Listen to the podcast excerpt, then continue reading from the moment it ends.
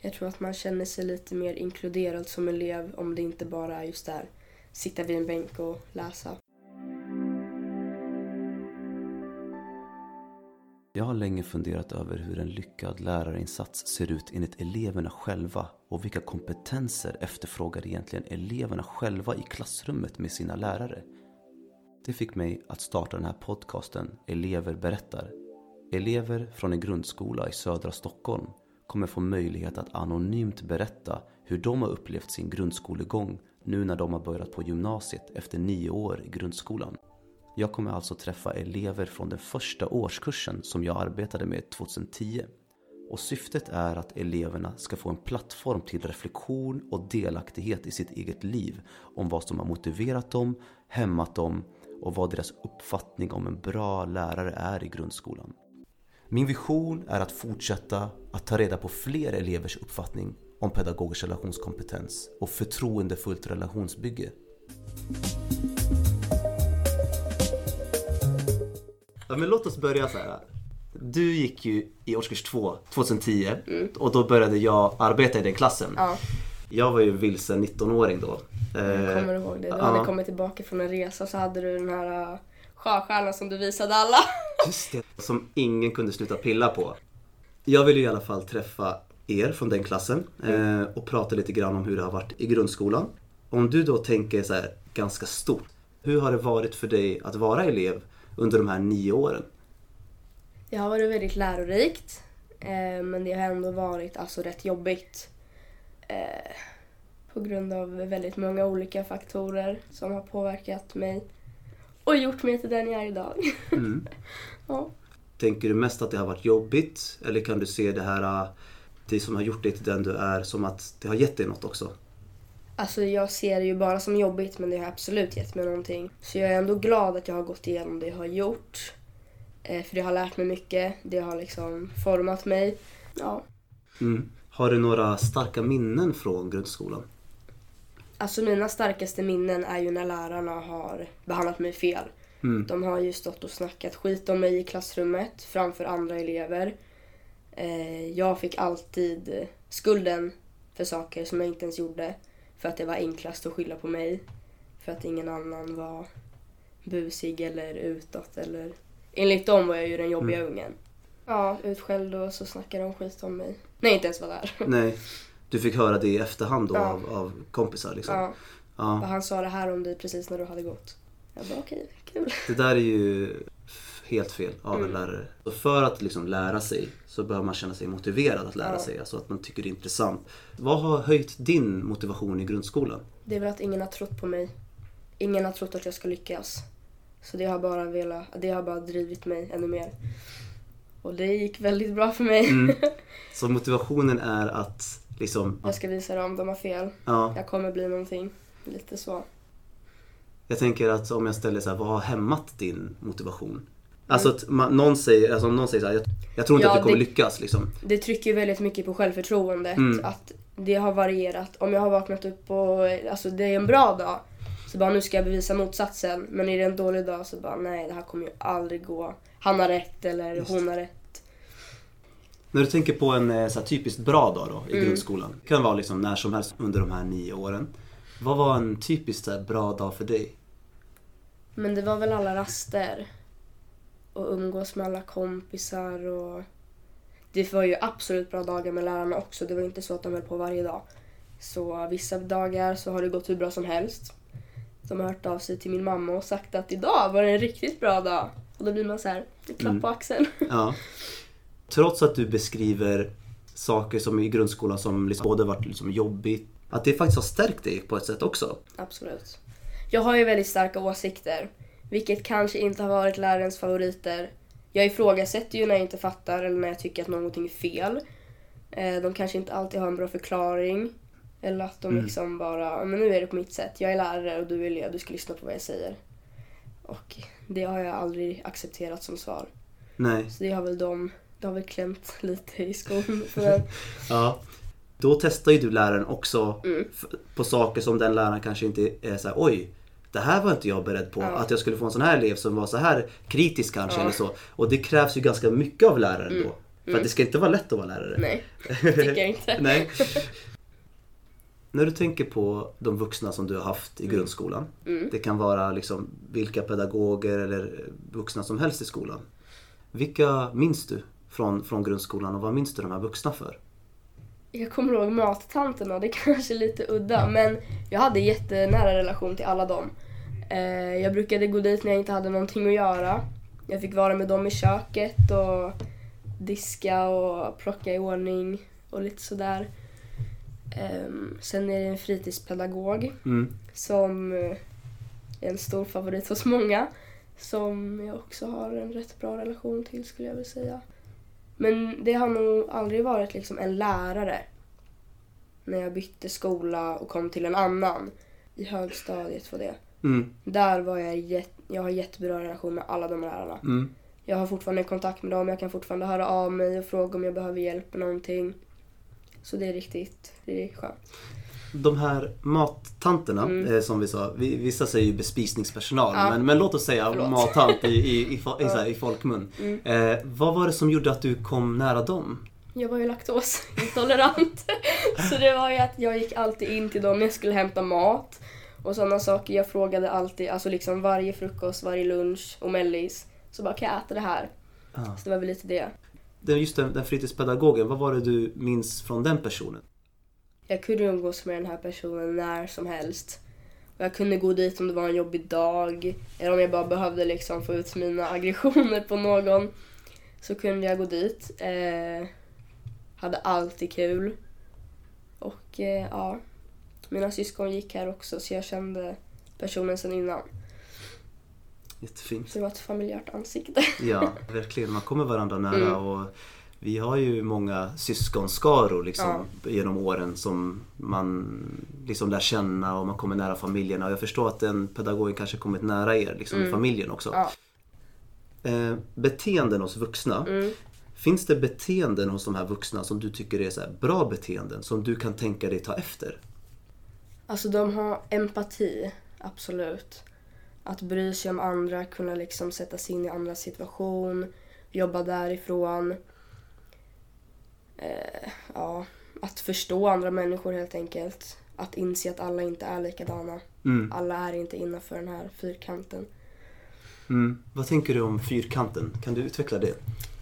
Ja men det här att man ska sitta still på lektionen och du ska liksom göra ditt och...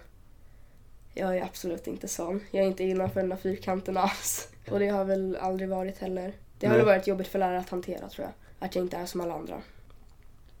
Och det är ju väldigt viktigt för dig då att en pedagog, en bra pedagog Mm. då ska kunna känna empati som du sa. Ja. För att just förstå att alla elever passar inte in i den här Nej, fyrkanten. alla har som... olika behov. Just och det. det ska man anpassa sig efter. Mm. Blev dina behov mötta, kände du, i grundskolan? När jag bytte skola så fick jag väldigt mycket bättre bemötning angående mina behov. Väldigt viktigt att man skulle sitta på sin plats och du skulle sitta med ansiktet framåt och skriva på ett visst sätt och väldigt, Mm. väldigt liksom strikt om hur det skulle vara. Mm. På min andra skola kunde jag lig- alltså lägga mig på golvet om jag kände att det gjorde att jag studerade bättre eller kunde gå till ett annat rum. Lite, lite mer fritt. Ja, Jag fick anpassa mig lite själv. Just det. Hitta sina egna sätt som funkar Ja, för en. precis. För att kunna koncentrera sig på Mm. och lära sig på bästa sätt. Liksom. Ja. Intressant. Just det, vart var vi? Beteenden. Om vi tänker då motsatt då. Finns det negativa beteenden hos vuxna som du har sett som du liksom inte vill ta efter eller som är ja, men typiskt dåliga beteenden? Snacka skit om folk. Jag tycker inte att du ska ha en, alltså, åsikter som lärare. Du ska vara väldigt öppen för allt. Att ingenting är fel. Eh, alla tänker på olika sätt. Ja, att man ska vara lite tillmötagående heter det så. Mm, tillmötesgående. Ja, precis. Att man ska kunna mötas på mitten och ändå komma överens. Bara för att du är lärare betyder inte att du har någon speciell makt över mig. Just det. Du ska lära mig saker. Och sen hur du tar mig dit, det Har du känt av den där maktaspekten som du nämnde? absolut. Ja, på vilket sätt har du känt det? Ja men det kan vara så att, ja, du ska sitta för att jag säger åt dig att sitta. Alltså lite så. Fast jag vill stå. Mm. Ja, nej men du ska sitta för att jag är lärare och jag säger till att du ska sitta. Mm. Just det. Ja. Det är som att rollen lärare Mm. innehåller lite makt då. Ja. Bara för att jag är lärare så, så säger jag till dig att du ska sitta och då ska du göra det. Ja. Och det är sånt du verkar ha ifrågasatt lite under dina... Och kanske mest, när var det mest du ifrågasatte det? Var det mellanstadiet eller? Ja, fyran, femman skulle jag vilja säga. Just det började väl lite i trean. Ehm, men fyran, femman var det nog värst. Mm. Till exempel, om vi, om vi tänker så här. Om en vuxen då hade sagt till dig, nu vill jag att du sätter dig. Mm. När hade du lyssnat på det? Eller vad hade fått dig att lyssna på det, på den personen? Jag vill ju ha en anledning till varför jag ska sitta. Varför får jag inte stå? Om jag känner att jag pluggar bättre när jag står, vad spelar det då för roll? Jag får ju dubbelt så mycket gjort om jag får göra det på mitt sätt än om du tvingar mig att sitta ner. För då får jag ingenting gjort, för då trotsar jag bara för att jag inte fick på mitt sätt. Eller inte för att jag inte fick på mitt sätt, men för att du inte gav mig liksom en anledning. Mm. Utan det var bara för att du sa som jag skulle göra. Lite hund och ägare nästan. Jag fattar vad du menar. Mm. Men om det var så att den här läraren, om du tycker om den här läraren säger vi. Ja. Om den här, du har en bra relation med, Ja. med, med läraren.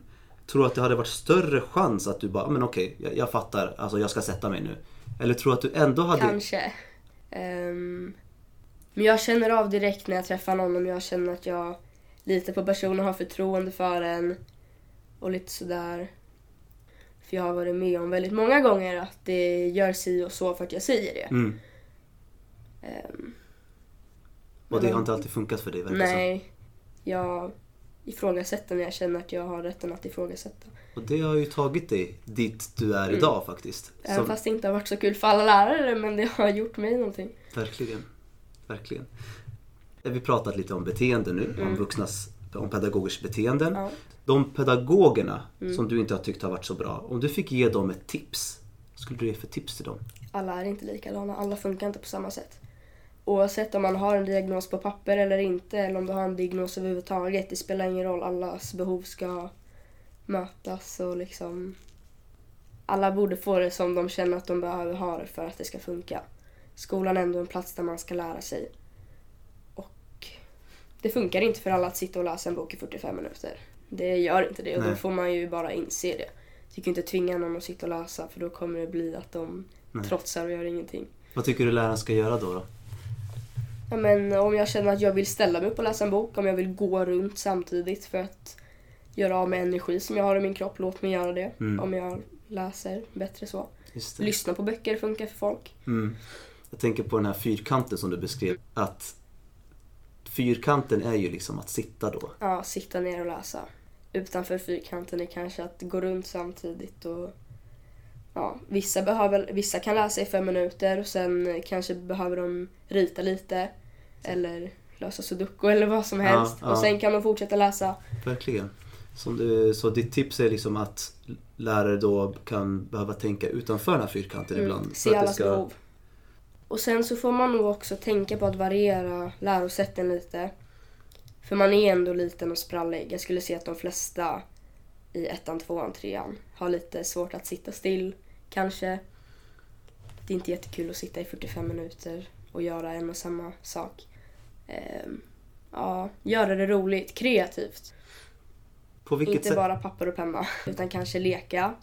Om det är någon mattelek, att man kanske kan göra det ute med kottar eller pinnar, vad som helst. Göra det lite mer riktigt. Mm. Man kan använda sig själv. Mm. Vi har, eh, alltså typ när vi har tänkt på längd och sånt, sort, alltså längdsortera, bokstavssortera, namn, efter, förnamn och efter, alltså Absolut. allt sånt där, ålder. Det går ju att använda liksom naturen och utomhus Mm, som, en, som en läroplats väldigt mycket. Ja. Och det finns ju liksom lärare som arbetar på det sättet Mm. också. Jag, jag har mött lärare som till exempel varje morgon så tar de en promenad tillsammans med eleverna. Och det har gjort att eleverna koncentrerar sig bättre just Mm. Absolut. för den klassen. Ja. Och det är ju de lärarna som, som du säger, Mm. vågar, vågar tänka lite kreativt och vågar tänka outside the box. Yes. Som, Det är viktigt. Mm, Jag tror att man känner sig lite mer inkluderad som elev om det inte bara är just där sitta vid en bänk och läsa. just det. Vi hade yoga varje morgon Eller hur? med en lärare. Det var jättekul. Så här massage, led och sådana saker. Vad var det som eh, liksom gjorde det så härligt? Vad var det som funkade med det? Jag vet inte, det vart bara lite avslappnat på ett helt annat sätt. Det är en annan grej att sitta och massera varandra än att sitta ensam vid sin bänk och Ja. vara i sin egna lilla bubbla. Och det funkade för klassen? Ja, Mm. Jag kommer ihåg att min pappa kom en gång och hade min massage i Ja. kurs på när jag gick i, i, i mellanstadiet Ja. Och det var ju succé. Liksom. Mm. På skolor runt om i Sverige så pratar man väldigt mycket om att man vill öka tryggheten på sina skolor. Ja. Alltså hur ska vi arbeta för att eleverna ska känna sig trygga och känna tillit och förtroende till vuxna. Alltså om vi börjar med ordet trygghet. ja. När du tänker på ordet trygghet, vad, vad betyder ordet trygghet för dig? Men det är väl att man känner att man kan vara sig själv. Ehm, ja, men att du inte har någon emot dig. Att det är liksom en frizon. Du kan verkligen liksom släppa loss helt och ändå ha alla med dig. Mm. Verkligen. Ja. Den, eh, vad betyder frizon för dig? Nej men det är väl att jag kan liksom, som jag är, ifrågasätta och lite sånt där. Vara lite trotsig men ändå bli accepterad. Just det. Bli accepterad. Ja, det är viktigt. Ja. Det är jätteviktigt. Det är ju den, alltså accepterad för den man är Mm. liksom. Mm. Tänk de som går runt och känner att de inte kan vara sig själva. Ja. Det verkligen... Det hindrar ju Ja. väldigt mycket i skolan också. Om man inte kan vara sig själv, då blir det väldigt mycket det man sitter och tänker på. Just det. Och det hindrar väl studierna på helt fel sätt. Exakt. Det gör ju att man kanske inte, kanske inte finns plats då i hjärnan att ta in Nej. kunskap. Mm. Om man känner sig osäker, att inte kunna vara sig själv Ja. och så, som du säger. Och jag, sa ju, jag pratade lite om tillit nyss. Mm. Alltså när du tänker på begreppet tillit. Ja. Alltså vad behöver du som elev, liksom av mig, som pedagog eller som vuxen i skolan. Mm. För att du ska lita på mig och känna tillit mot mig. Jag tror att jag nämnde det tidigare. Jag Ja. känner av det rätt fort. Alltså första mötet så är jag rätt säker på om jag kan prata med dig eller inte. Eh, vad det beror på det vet jag inte. Jag har bara alltid varit så.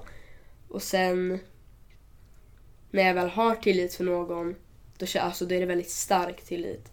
Det är inte så att jag känner lite halvdant att ah, men jag kan prata med den här personen om vissa grejer. Mm, Antingen kan jag prata med dig om allt eller så kan jag inte prata med dig överhuvudtaget. just det.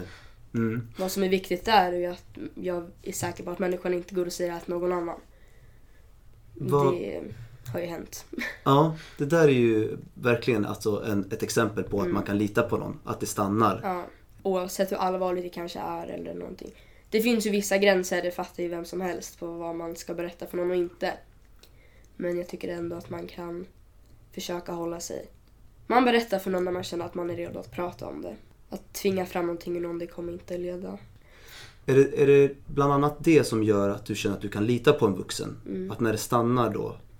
Och sen när de när det inte bara är i stunden som de bryr sig utan de kan komma dagen efter.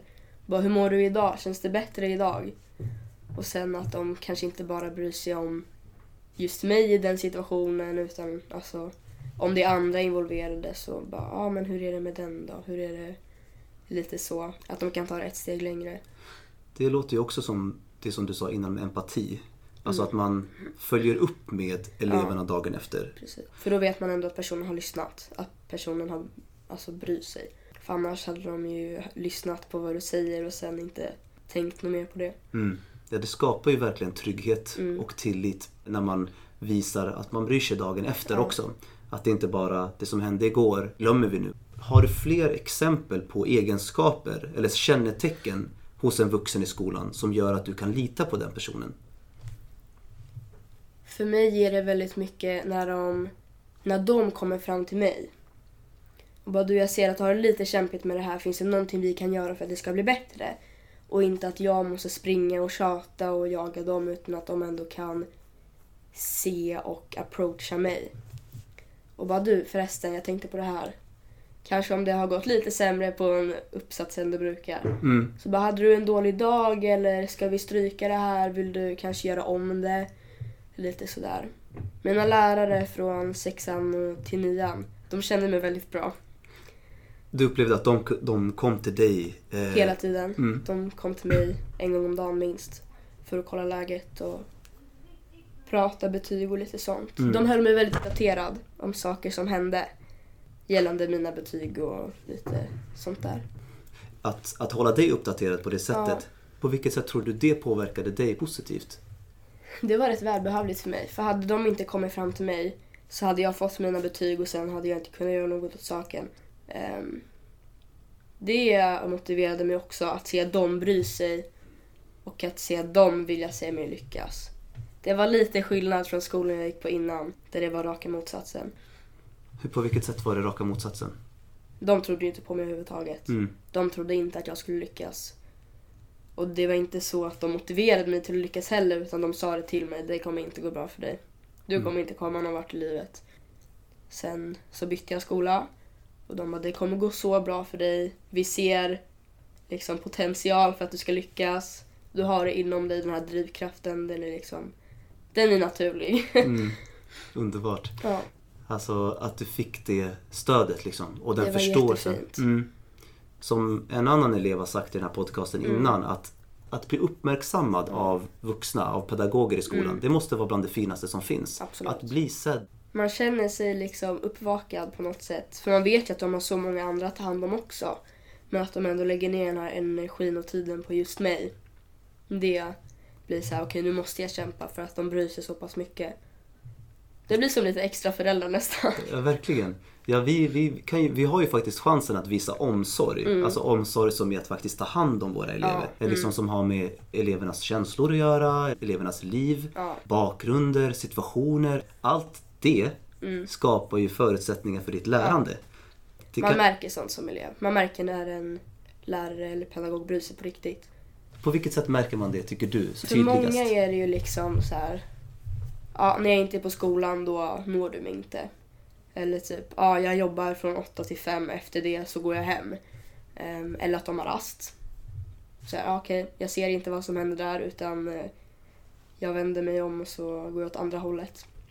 Mm. Men jag har ju lärare som jag har kunnat eh, mejla liksom klockan 11 på kvällen och fått svar en kvart senare. Mm. De har rättat mina uppgifter inom 30 minuter för att jag ska kunna göra om och förbättra och sådana saker. De har haft väldigt bra koll på mig. Ja, det låter som det. Mm, När, när vi började prata här, Ja. att du kände att det är många som ändå inte har trott på dig och Mm. som har sparat dig. Så är det sen du bytte skola ja, så, kändes, så låter det som att du blev förstådd och, och sedd. Liksom. ja. De accepterade mig. Och de var helt okej med att jag var lite trotsig och ifrågasättande. De tyckte väl bara att det var lite kul. En liten extra utmaning för dem. Ja, att inte kul. vara som alla andra. Jättefint att höra. Eh, vi kommer ju snacka nu efter också. Ja. Men är det något annat du tänker på som du vill så här, lägga till? Är det något sista du vill säga? Nej, jag tror inte det. Jag tror jag har fått allt sagt. Mm. Jättekul att träffa dig igen. Mm, detsamma.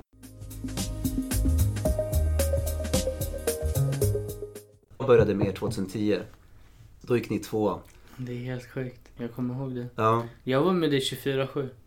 Jag, var, alltså jag kommer ihåg det. Jag var med dig 24-7. fotbollsplanen med Ja, er. Exakt. Och du hade långa dagar på fritids. Mm. Jag var med dig hela vägen på fritids Jag också. var från först till på morgonen. För mamma jobbade till klockan sex på kvällen hela tiden. I alla, i de, jag tror fyra år jag gick här. Jag var alltid, för, nästan först.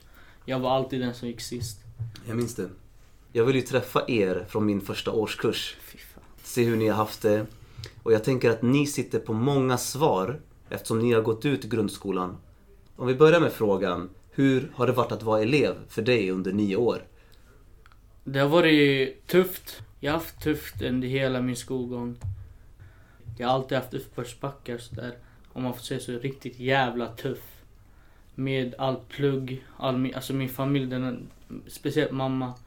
Hon, eh, hon har lagt ner så mycket tid och energi på mig att jag ska alltså bara läsa en bok.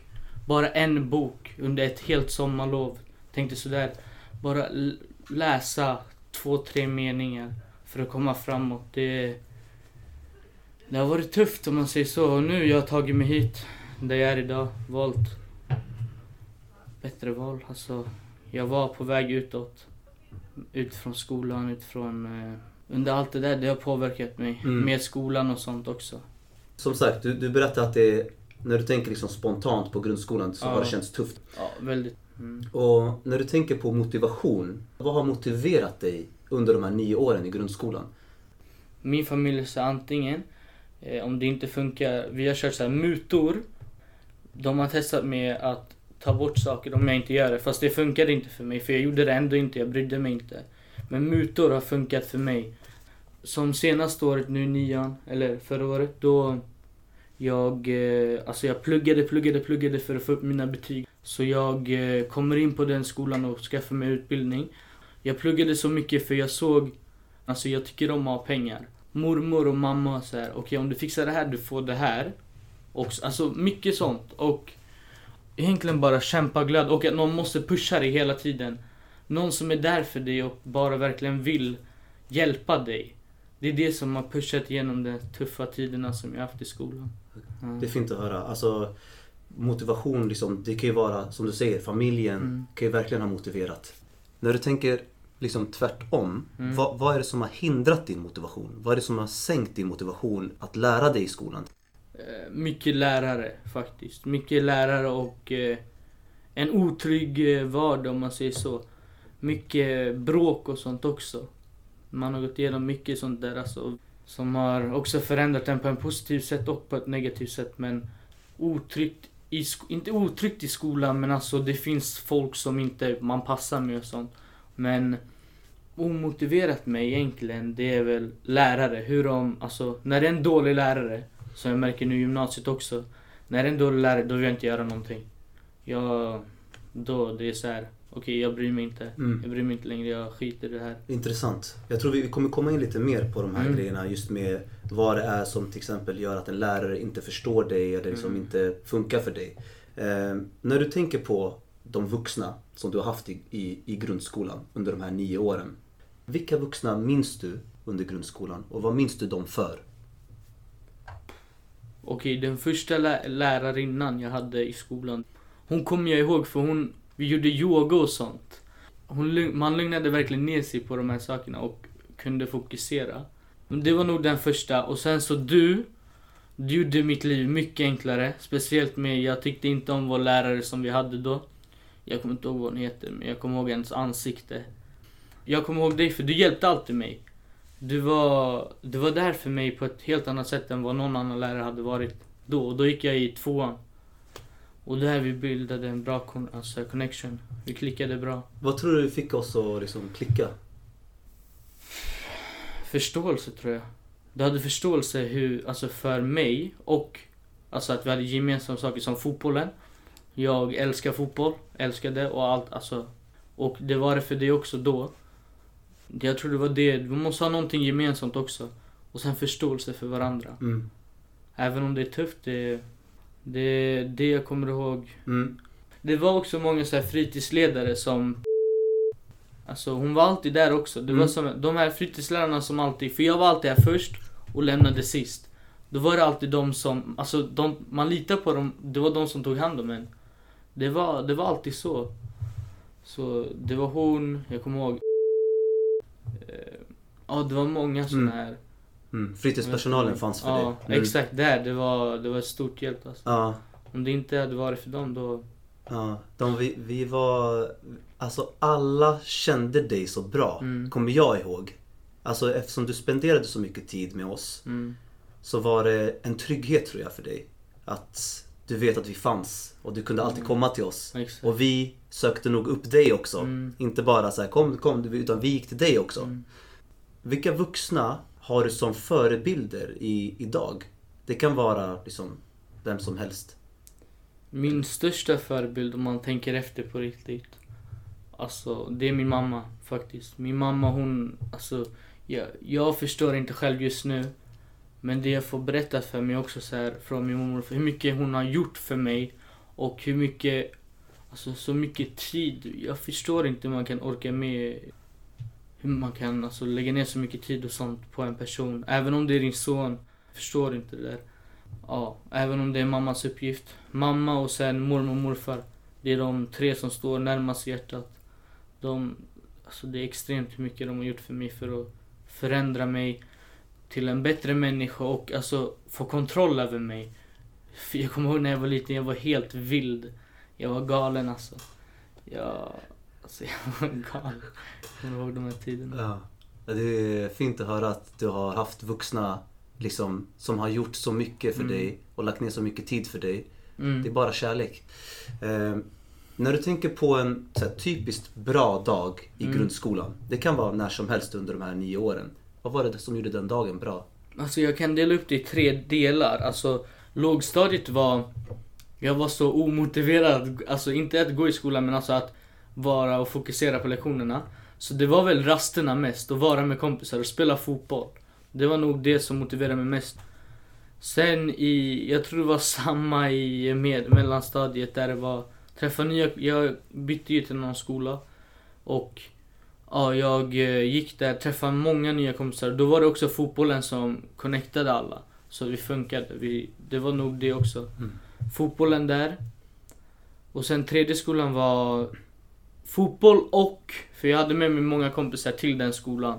Fotbollen och sen man lärde känna andra för att det var så här.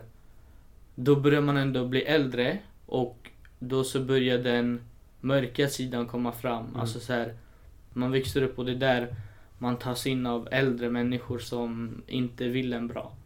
Man säger sånt. Det var också det som nog respekten alltså, som man fick i skolan och sånt, som också kopplade den. Mm. Men det var nog först när man väl kom dit var det fotbollen. Fast sen så ut, utvecklades det. Just det. Så det var nog det. Ja. Intressant alltså. Det här med den här mörka sidan som du, Mm. som du beskrev. Hur var den mörka sidan? Alltså jag kom ju från, för det första, det är en förort också. Det, vi har liksom tillsammans. Jag vet inte själv när jag var liten men när jag väl fick upp blicken då det har alltid varit kriminalitet, allting sånt. Folk har varit kriminella, folk har gjort mycket saker, dumma saker. Det är mycket droger, mycket bråk, mycket, alltså mycket sådana här saker som är dåligt och påverkar ditt psyke. Så, sådana saker, det är det jag menar med mörka sidan. Så det är kriminaliteten som finns där i bakgrunden hela tiden. Det är nog den som... eh, Det är det jag beskriver som mörka sidan. Det. För det var alltid så här, ja jag är starkare än dig, säg i skolan. Det har alltid varit så under alla åren. Jag, där, ja jag kommer slå dig. Alltså den som är starkast, det är han som bestämmer liksom. Mm. Och det har alltid varit så. Sen så utvecklas det från när man går i grundskolan, med, eh, mellanstadiet. Där, det är ungefär samma. Fast sen när du går till högstadiet, du blir äldre. 13, 12, 13, 14. Då, när du börjar hänga med fel folk och du börjar vara ute.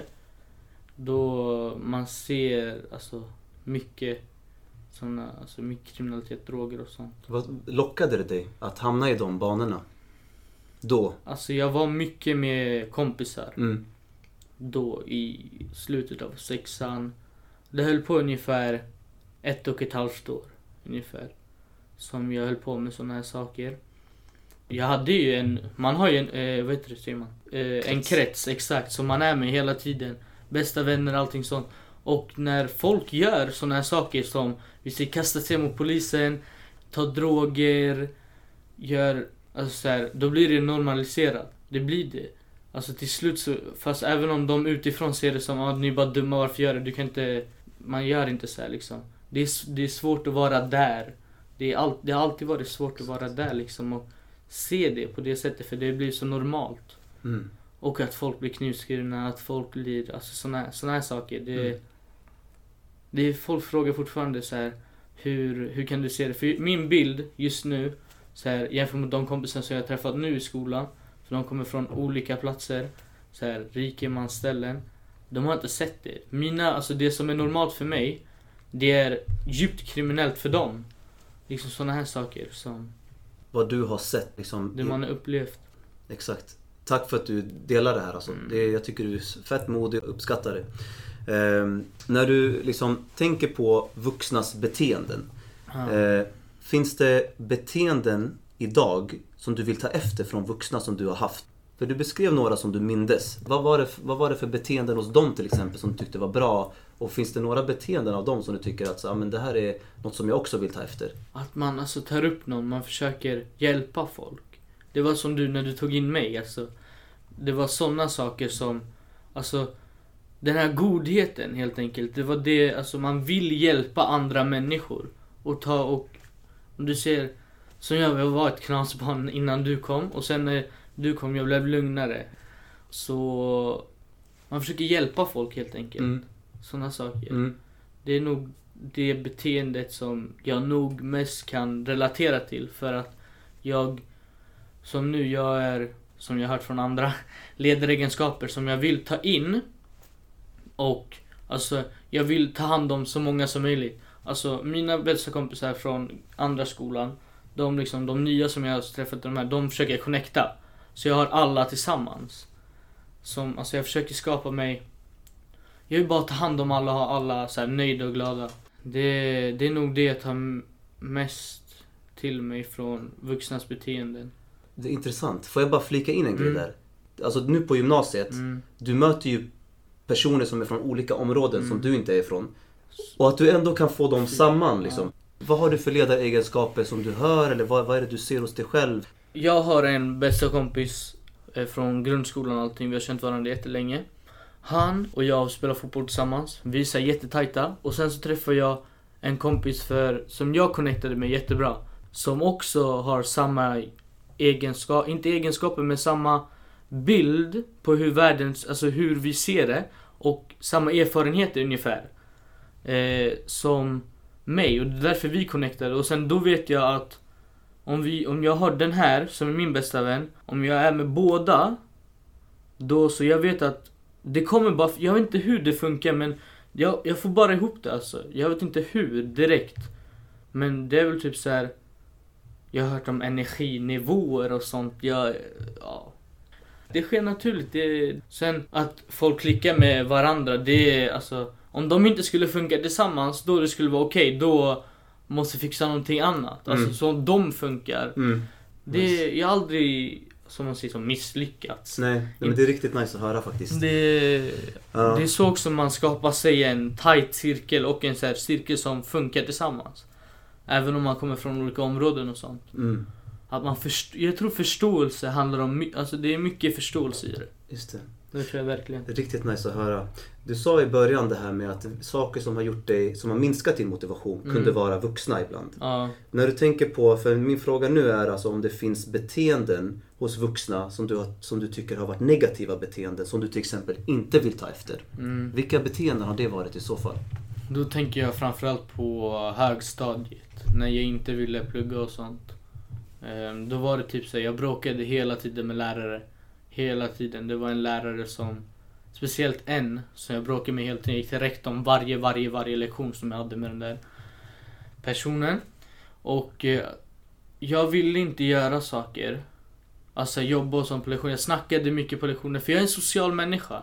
Så jag, jag snackar mycket och stör andra. Jag förstår inte det där men tydligen stör jag andra. Och eh, blir utskickad hela tiden. Och det är väl ungefär sådana saker som ja, man tycker inte om den personen. Om de gör någonting dåligt mot dig då... Sådana beteenden, alltså så här När någon stöter ut en mot gruppen. Det är typ, det är sådana vi har alltså inombords från länge, länge sedan. Om någon stöter ut dig då du tycker inte om den personen. Och det var ungefär så kanske, det, det var ungefär så. Och att man fick skit hela tiden, även om man inte gjorde någonting. De kunde liksom, man har gjort så mycket saker och sen så typ var det någon annan som snackade och säger de, gå, här, gå härifrån, Mm. gå ut. Just det. Ställ dig utanför, vänta. Just det. Stod man där 10 minuter, jag har inte gjort någonting. Mm. Jag har inte ens sagt ett ord. Man försöker skärpa sig. Mm. Fått hemifrån så här. Skärp dig nu, ta det lugnt, andas. Så du inte blir arg. Och eh, alltså så här, skärp dig, var tyst, lyssna. Alltså Mm. försök lyssna på läraren fast. Och sen när man får såna här saker också, när man gör det. Och sen man får fortfarande skit. Då man ger helt upp, då det blir bara, Mm. det blir bara kaos. För det kan ju vara så att självklart, alltså vi alla som har gått i skola har ju någon gång Mm. stört om man säger. Exakt. Men det, det betyder ju inte att det är du varje gång. Exakt. Jag har Och just- alltid varit På stämplad. just är också av, av kanske vissa lärare som du Mm. som jag frågade som har liksom inte visat att de kanske förstår dig eller liksom har haft de här negativa beteendena. Och det är det också, som i högstadiet, det är då också det har påverkat mitt betyg. Mm. Alltså sådana saker också. Det, även om de säger att det ska vara, säger man, neut, inte neutralt men alltså att det inte ska vara beroende på det. Så hur du beter dig, det ska vara hur du presterar. Just det. Men det har ju fortfarande en sak, om en lärare inte tycker om dig Mm. och det väger mellan, vi säger, ett C och ett B, såklart ni ger det C. Eller om det väger mellan F och E, såklart ni ger det F. Det är alltid så, för det är så här, människan. Om du, om du fick ge de här vuxna som Mm. du har mött i, liksom, i grundskolan som du inte tycker har varit så bra. Om du fick ge dem ett tips, vad skulle du vilja säga till dem? Ge folk chanser på chanser på chanser. Alltså, vissa människor förändras också när du ger dem chanser. Som jag tog eh, exemplet när man försöker vara tyst och jobba för sig själv och sånt. Och sen man får fortfarande kasta skit på sig av läraren säger för de tror att det är, det är jag liksom. Det här med, hur, på vilket sätt tycker du den här vuxna ska ge, eh, hur kan man ge eleverna chanser på chanser? Det handlar också om förståelse där. Man måste kunna lita på varandra där. Att det här är riktigt svårt Vi kommer faktiskt. komma in på det här mer. Det- Tänk efter på det här med tillit. Alltså, jag kan eh, ställa nästa fråga så Ja. länge. Alltså, alltså hur ska en bra vuxen bete sig i grundskolan enligt dig? Vilka egenskaper till exempel, vilka beteenden är exempel på bra beteenden? Jag tror från lärarens sida att den måste ha alltså så här, tålamod med många. För det är många elever i dagens samhälle som har ADHD, som har dyslexi, som fortfarande inte har fått den diagnosen och då finns det saker som inte är normalt via de andra eleverna. Så då måste man ha förståelse för det. Så då måste man inte vänta, man måste ha lite, lägga mer tid och tål, man måste ha tålamod med den eleven. Och lägga sin tid på den för till slut kommer det funka. Det var ungefär så som jag och du kom tajta, alltså du la mycket tid på mig, du var mycket med mig, det är därför vi blev så tajta. Och man kunde lita på varandra. Speciellt med de eleverna som har det svårt. Att man måste lägga ner tid och jobba med dem hela tiden. Det, det är nog det, det, det viktigaste skulle jag säga. Alltså, jag håller med dig. Eh, vi kommer komma in lite på tillit nu. Mm. Alltså på skolor runt om i Sverige så pratar man mycket om hur kan vi göra på, på vår skola till exempel för att höja tryggheten för eleverna. Och hur kan vi få eleverna att lita på oss vuxna så att ni Mm. känner förtroende för oss. Om vi börjar med ordet trygghet. Vad betyder Ja. ordet trygghet för dig? Trygghet för mig, det är en plats, alltså jag beskriver det som en plats. Som hemma till exempel, där du alltid, du kan alltid vända dig dit. Alltså du kan alltid vara där utan att känna dig så här hotad om man säger så. Vid den platsen ungefär, för då, ja man, man har sina vanor och alltså, man har, man har sitt där liksom. Mm. Ungefär så skulle jag känna trygghet. Ja. Om du tänker på ordet tillit. Mm. Vad är det som får dig att känna förtroende till en vuxen i grundskolan? Vad fick dig att känna att jag litar på den här vuxna? Res, mycket res, det ligger mycket respekt i det. Återigen, mycket tid också tror jag. Respekt och mycket tid så här som man, som man blir tajta liksom. Och om du blir tajt med någon, då kommer du ha förståelse för vad den, alltså vad, vad den menar och sånt också. Mm. Är det någonting som du har efterfrågat i dina relationer med vuxna i grundskolan? Känna sig tight med någon? Ja, alltså det, det är nog det som har tagit, i, tagit mig igenom. Eh, att man kunnat lita på vuxna. För oftast finns det såna vuxna som man inte kan lita på. Och det, ja, det är därför folk får så här inte kan öppna upp sig och inte kan ha då har de så här tillitsproblem till slut för att folk har svikit dem liksom. Och om du hittar en person som inte sviker dig om det händer vissa saker och som du kan berätta saker för, som håller sig för sig själv och jobbar med dig och alltså du verkligen finner det här, det här bandet som behövs mellan två människor. Mm. Tänker du på andra saker som visar att, så här, att den här vuxna vill förstå dig? Den här vuxna vill att du ska kunna lita på den? Man måste prata helt enkelt. Pratar och förstår situationen liksom. Tillit, förståelse och man kan prata även om man har ett problem med läraren eller vi säger i, en, i ett ämne. Mm. Om, man har, om jag har problem med matte och det inte går så bra för mig. Då att jag ska kunna prata med den personen, med läraren och jag ska försöka reda ut det liksom. Det är nog det som jag skulle säga den bästa vuxna har. Att ha förståelse för elevernas problem som de har. Och sen att man vågar lita på dem.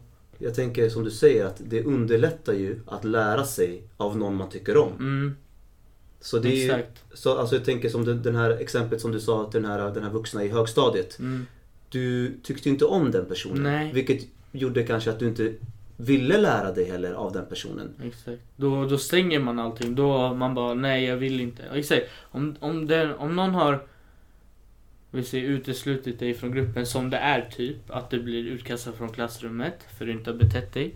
Då så kommer den här aggressionen mot den som har gjort det öka. Då kommer din, alltså då kommer du inte förstå den personens bild.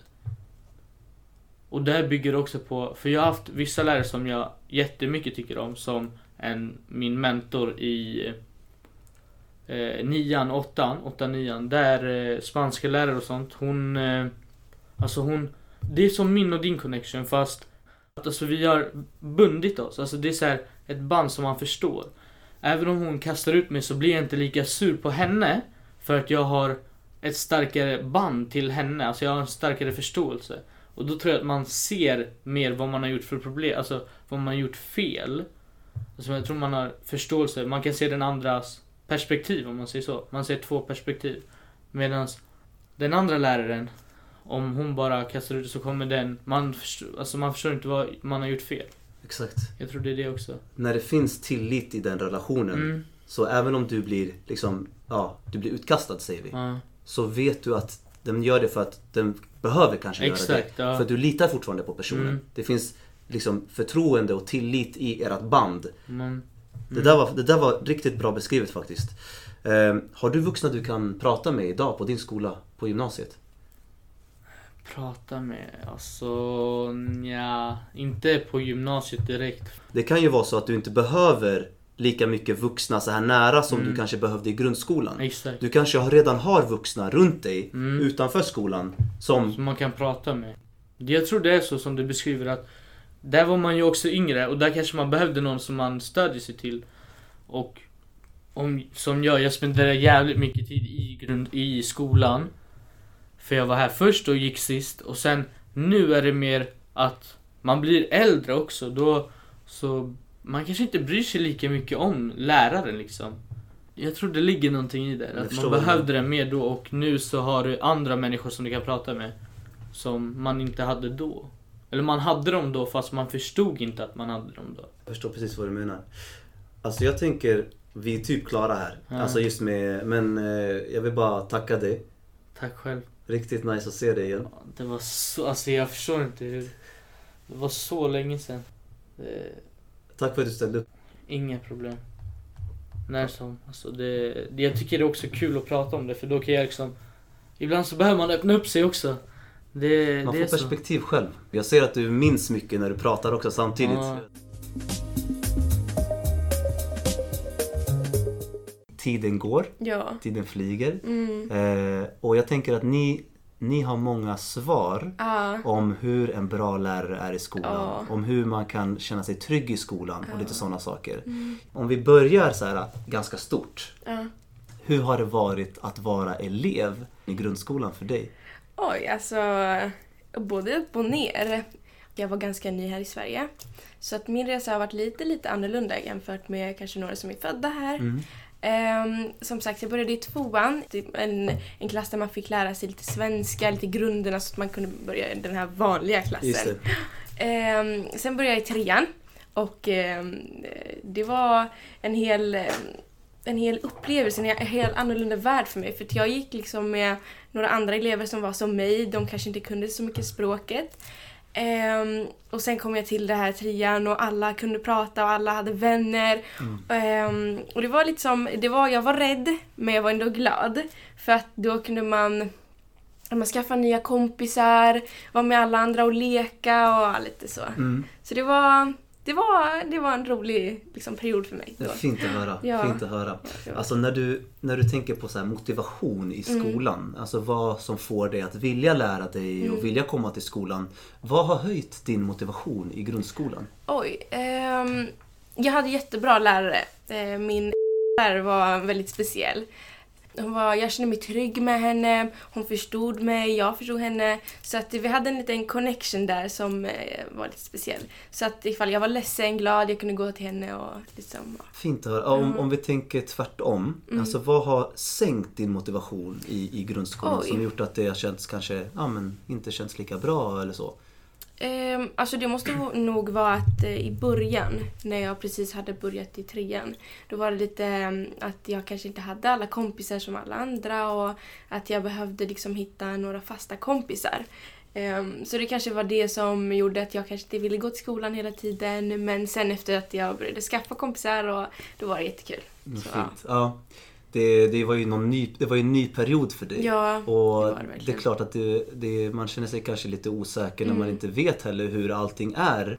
Det, var ju skillnad från liksom, för du har, du har rötter i Irak va? Ja, ja, ja. Så i, skolan i Irak där du gick Mm. var ju inte på samma sätt som det Nej, var här. absolut inte. Det Och för- var en jättestor liksom, skillnad. Allt. Lärare, elever, allt. Miljön. Så Och att du har fått anpassa dig liksom Mm. för det och det, det är inte något som är enkelt Mm. att göra utan det är något som tar sin tid och, och så här. Ja. Eh, och när du tänker på vuxna Mm. som du har haft i grundskolan. Det kan vara lärare, det kan vara liksom, eh, resurser, elevassistenter, det kan till och med vara bespisning i köket, Mm. det kan vara vaktmästare, det kan vara vem som helst. Mhm. Vilka vuxna minns du? Och vad minns du dem för? Alltså jag minns ju de flesta. ehm, som jag hade då fastlärarna. Mm. Ehm, och några så här, kökspersonal och sånt. Ehm, de, var, de var en stor hjälp för mig. Eh, jag kände mig alltid trygg. Eftersom ja, jag sa jag började ny och allt sånt där. Jag kände mig alltid ny. Oavsett om jag gick femman, sexan, trean, tvåan. Alla de här årskurserna, årskurserna jag har gått i. Så har jag alltid känt mig ny. Men eh, med åren så har jag vänt mig med den känslan. Ehm, men alla lärare var välkomnande, de var positiva, de brydde inte sig om liksom bakgrund, hur jag såg ut, ifall jag var annorlunda. Jag kunde inte kanske prata på samma sätt som alla elever. Så det var väldigt skönt att alla förstod mig åtminstone. Vet, Ja. fint. Ja. Är, det nå- är det några speciella, specifika vuxna som du minns eh, i skolan, i grundskolan? Ja, mina... En av eh, lärarna jag gick i sexan Mm. minns jag väldigt eh, mycket. Mm. Eh, han var väldigt så här, sträng men ändå rolig. Eh, han tillförde mycket energi åt alla och ville att liksom allas bästa. Det var lite jobbigt ibland såklart med att man behövde hela tiden prestera och, och komma med bra liksom, arbeten och så. Men han har nog gett mig mycket identitet så att säga. Ja. Och sen så självklart min lärare. Mm. Hon kommer jag aldrig glömma. Hon, har var, hon var en, liksom, en startlärare för mig. Hon förstod mig, hon var alltid där. Det spelade ingen roll om jag sa fel eller rätt. Det spelade ingen roll om jag gjorde så eller liksom på ett annat sätt än vad de andra gjorde. Så att eh, vi hade verkligen no- någonting speciellt, så Ja. en relation. Ja. Ja. Vad, vad, vad, liksom, du, du beskrev det här med connection och att ni Ja. hade en relation. Mm. Kan, du, kan du utveckla mer vad som gjorde att ni kom varandra nära? Alltså hon hjälpte mig alltid. Ifall jag fastnade i plugget, med kompisar, vad som helst. Hon hjälpte mig alltid. Hon kom alltid med positiv feedback. Ibland några så här, eh, saker jag behöver tänka på. Ehm, hon var alltid där som en typ extra mamma. Inte, ja, du förstår vad jag menar Absolut. med extra mamma.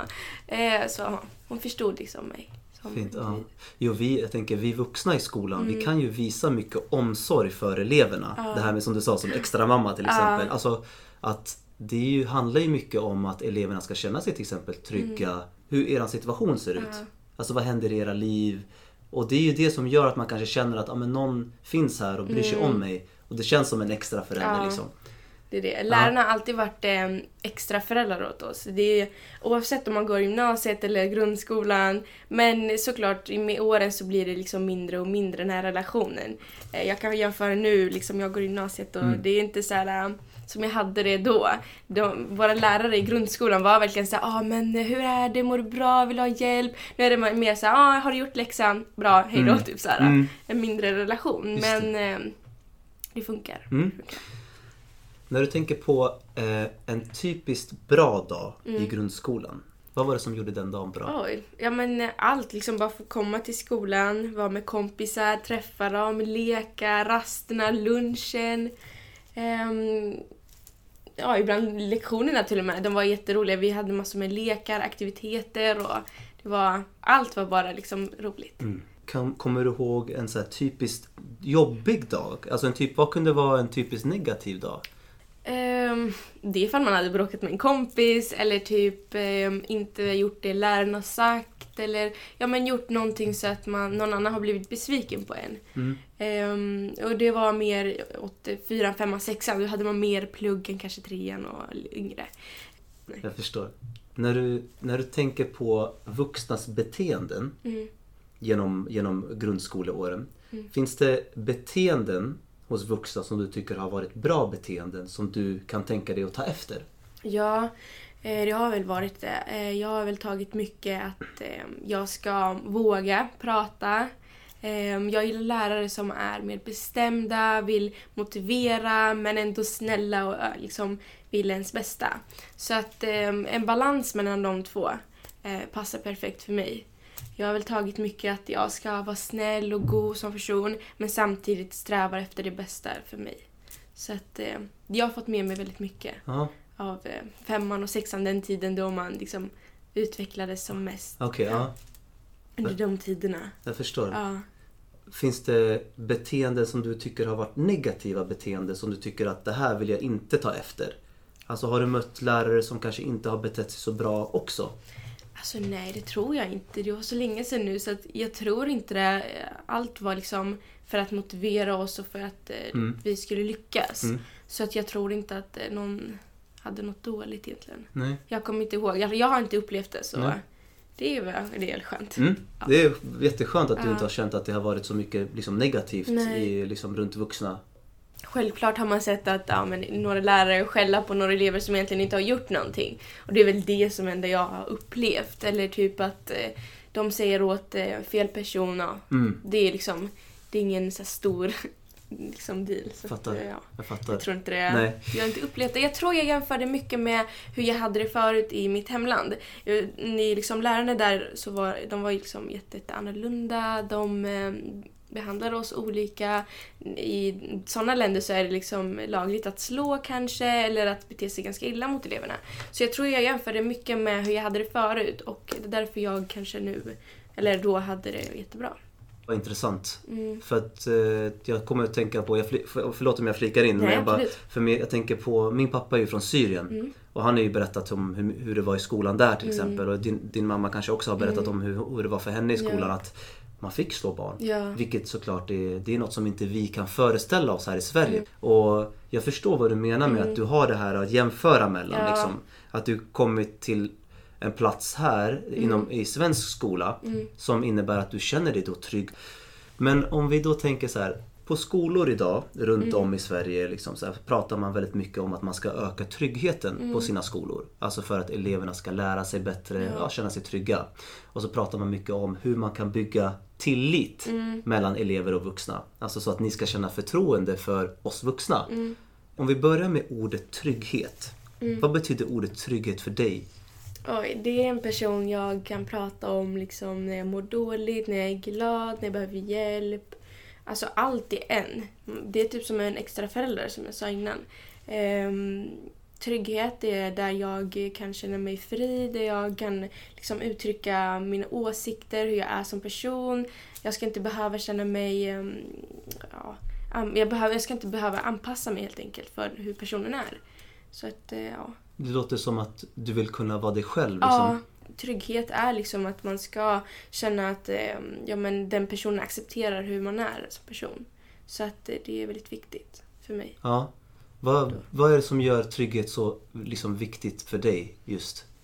Ja men eh, ifall jag inte känner mig trygg så kommer jag inte kunna ja, men, uttrycka mig och göra det bästa jag kan. Så att utan det så, så kommer jag inte heller vilja gå kanske till skolan eller vilja göra mina läxor eller ja, vad man nu har. Så att det är en jättestor nyckel. Verkligen. Ja. Och jag tänker på det här med tillit som jag sa. Mm, Alltså förtroende. mm. Vad fick dig att lita på en vuxen i grundskolan? Oj. Eh, ja men att eh, hon eller han var alltid snäll. Ehm, alltid vilja så här, um, leka och liksom skapa en god stämning mellan alla elever. Ville inte att någon skulle bråka med någon. Um, var alltid där, inte berättade kanske vad jag hade sagt till kanske mamma, pappa eller någon annan. Eller, alltså det, skulle, det, var en, det ska vara en hur ska man säga, en liten, en liten eh, miljö bara för oss två. det ska vara en liten bubbla där vi, bara jag och läraren förstår varandra. Sen såklart så har läraren flera elever och har flera bubblor med. Så, att, eh, Absolut. ja. så det ska vara en eh, någon personlig eh, sak mellan oss. Jag vill inte att någon ska kanske veta om det jag har sagt till läraren. Utan det ska vara ja, som en extra syskon eller mamma eller pappa eller vad det nu är. Exakt. Ja. Kan, du, kan du ge fler exempel på liksom egenskaper eller så beskrivningar Mm. av hur en bra vuxen är i skolan? Ja, men jag jämför mycket nu hur jag har det i gymnasiet. Eh, det är mycket så här eget ansvar, man ska vara självständig. Eh, ingen kanske har den här eh, empatin för alla elever. Eh, men det behövs verkligen att man visar kärlek. Eh, att man visar att man tror på en. Eh, Ja, alltså mycket handlar om att man ska vara nära personen. Man ska förstå hur den funkar som individ och ja, lite sånt. Mm. Så att det behövs. Man, man ska komma in som, som en extra person i ens liv. Så liksom man ska veta allt den här, ha så här dåliga men bra egenskaper och Mm. lite så här. Man ska, vara, man ska veta mycket. Liksom, på vilket sätt kan den vuxna visa att den förstår och lära känna eleven? Ska Ja, den men vuxna visa? fråga mycket och liksom vara med. Varför gjorde du så? Varför agerade du på det sättet? Och ja, men, hålla koll på eleverna, vad de tycker, vad de inte tycker om. Ehm, mycket liksom, elever brukar leka och ha kul och man ser när de har kul och man ser när de är liksom ledsna eller är arga eller ja, vad det nu kan vara. Så att man ska väl ha mycket koll på dem, man ska fråga, man ska mm, kolla kanske med kompisar. Vad tycker hon, han? Så ja, det är typ lite, man ska vara lite med dem hela tiden så att man eh, skapar då tryggheten och allt det här. Så det kommer in liksom ett helt paket. Verkligen. Det är Ja. hela paketet det Ja, handlar om. ja. Intressant. Eh, är det något som du själv efterfrågar? Alltså är det något som du själv vill ha? det är någonting. För då känner, man, då känner man sig väldigt trygg i, i den här personens sällskap. Och då vill man verkligen vara, liksom, man vill veta mer och mer. Ehm, annars så är det liksom, ja, är det Mm. bara hej och hej då. Nej, men för du sa det här med att ställa frågor. Liksom. Mm. Eh, på vilket sätt tycker du att den vuxna kan ställa frågor? Ja men typ ifall man leker med kompisar, varför kanske blev du arg eller eh, varför blev, blev du glad eller liksom... eh, Ja men man ska bara liksom veta hur, det, hur personen är som individ. Liksom, ja, jag kan gå ut och leka, jag kanske håller på med leksaker, telefoner, vad vet jag. Man ska fråga mycket. Jättebra. Eh, alltså har du vuxna idag Mm. som du kan prata med på gymnasiet? Både ja och nej. Ehm, vi har liksom, de flesta är ju väldigt kalla av sig. Utan de, de vill bara, ah, men har du gjort läxan? Toppen, vad bra, hej då. Och sen ses vi imorgon Mm. typ. Mm. Det var lite som du sa, det var, Ja. det var annorlunda på grundskolan. Liksom. Ja, det är verkligen det. Men eh, självklart så har man ju några som är så extra speciella. Och det är väl de flesta i mentorerna då. Eh, de är alltid så här, ja men liksom nära och snälla och så. Mm. Eh, det har alltid varit mentorerna som har alltid varit så extra lärare för mig. Mm. Eh, så ja, lite mentorerna. De har liksom, du har spenderat mycket tid med dem och Mm. du har liksom, ni har haft tid att lära känna varandra Ja. kanske. Ja. Ja, men jag hade ju lärare som jag hade i alla år som jag gick här. Eh, och när man börjar eh, som en liten, typ hur gammal kan man vara? Tio år när man börjar trean eller nio, någonting Mm. sånt. Eh, då är man väldigt ung och inte kanske förstår så mycket. Och eh, har man en lärare som liksom går med hela vägen till slutet, då har man byggt den här stora relationen. Så att, att ha en fast lärare är väldigt viktigt tycker jag. Eh, för då liksom har man haft den sen när man var liten. Och då vet man eh, hur den funkar och han vet eller hon vet hur man funkar själv. Så att ehm, man ska liksom lära känna varandra på det sättet att man kanske eh, känner att amen, den här personen är liksom extra nära hjärtat. Eh, och man, känner man inte så så tycker jag att läraren har amen, misslyckats kanske. Eh, typ lite det. Men man ska vara liksom snäll och trevlig hela tiden och, och vara kram och gossig och lite så här. Eh, men samtidigt ändå en hård lärare som liksom får tyst på hela klassen och sen får alla jobba och eh, hjälpa dem när, när de behöver hjälp såklart. Mm. Så att ehm, Mm. en fast lärare är väldigt viktigt tycker jag. Att, för att då vet man att hur personen är. Mm.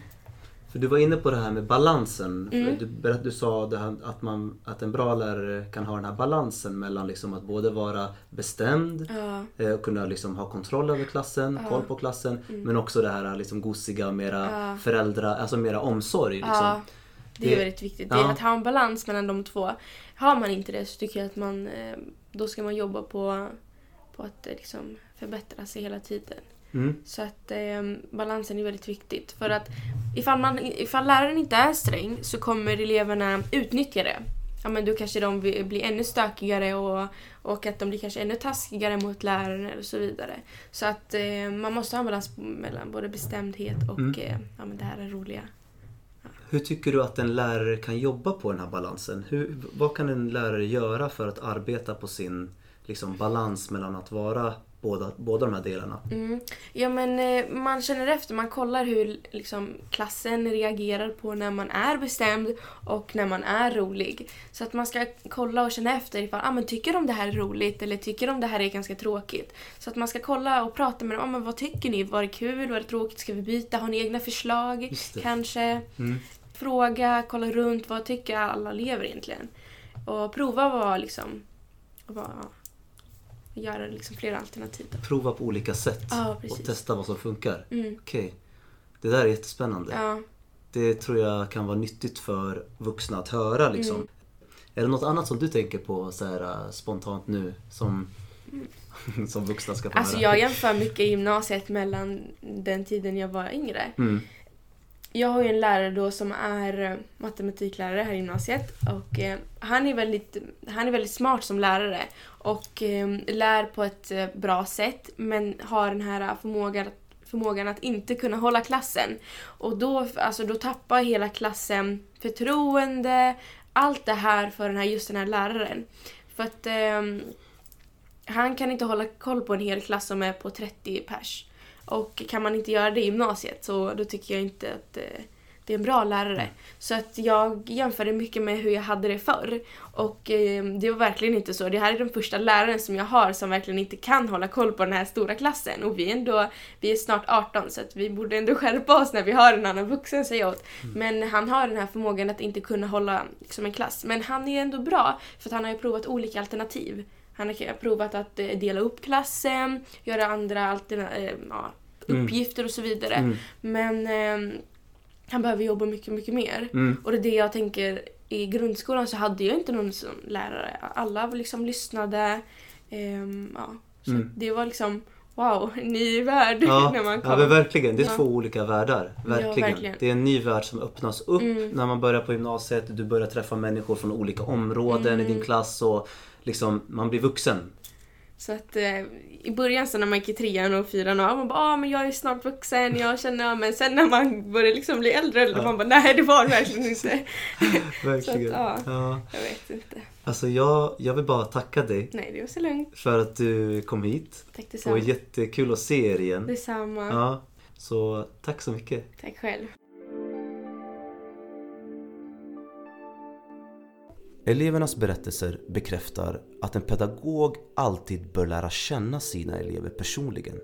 De efterfrågar en relation där pedagogen är intresserad och ställer aktiva frågor. Eleverna vill känna sig förstådda och ha en form av gemenskap och sammanhållning med sina vuxna. Vi har alla vid något tillfälle hållit inne på något vi velat dela med oss. Kanske kan vi inte dela med oss det till vem som helst. Men om vi vet att den psykiska ohälsan ökar i tidig ålder, som vi vet kan bero på en kombination av att inte kunna prata med sina föräldrar, pressat skolarbete och känna sig utanför, alltså exkludering eller mobbing. Här blir vikten för en pedagog att kunna känna empati och hålla löften en grundsten för elevernas mående i skolan. Att veta att de vuxna finns där när man behöver det. Det förkroppsligar begreppet trygghet som innebär att eleverna kan få vägledning och stöttning utan en auktoritär makt. På podcasten Elever berättars Instagram och Facebook-sida så finns nu en modell på relationskompetens enligt eleverna. En konkret modell på grupp och individnivå som har tagits fram genom en analys. De kännetecken och beskrivningar som återkommer av eleverna i podcasten är att vara aktiv, trygg och social. In och titta på den här modellen. Börja fundera vad kan jag göra idag för att öka min relationskompetens med eleverna mot eleven individuellt men också på gruppnivå bland eleverna. Gå gärna in och kommentera, gilla och följ både Facebook och Instagram-sidan så att jag och eleverna kan fortsätta att närma oss hur en lyckad lärarinsats kan se ut idag.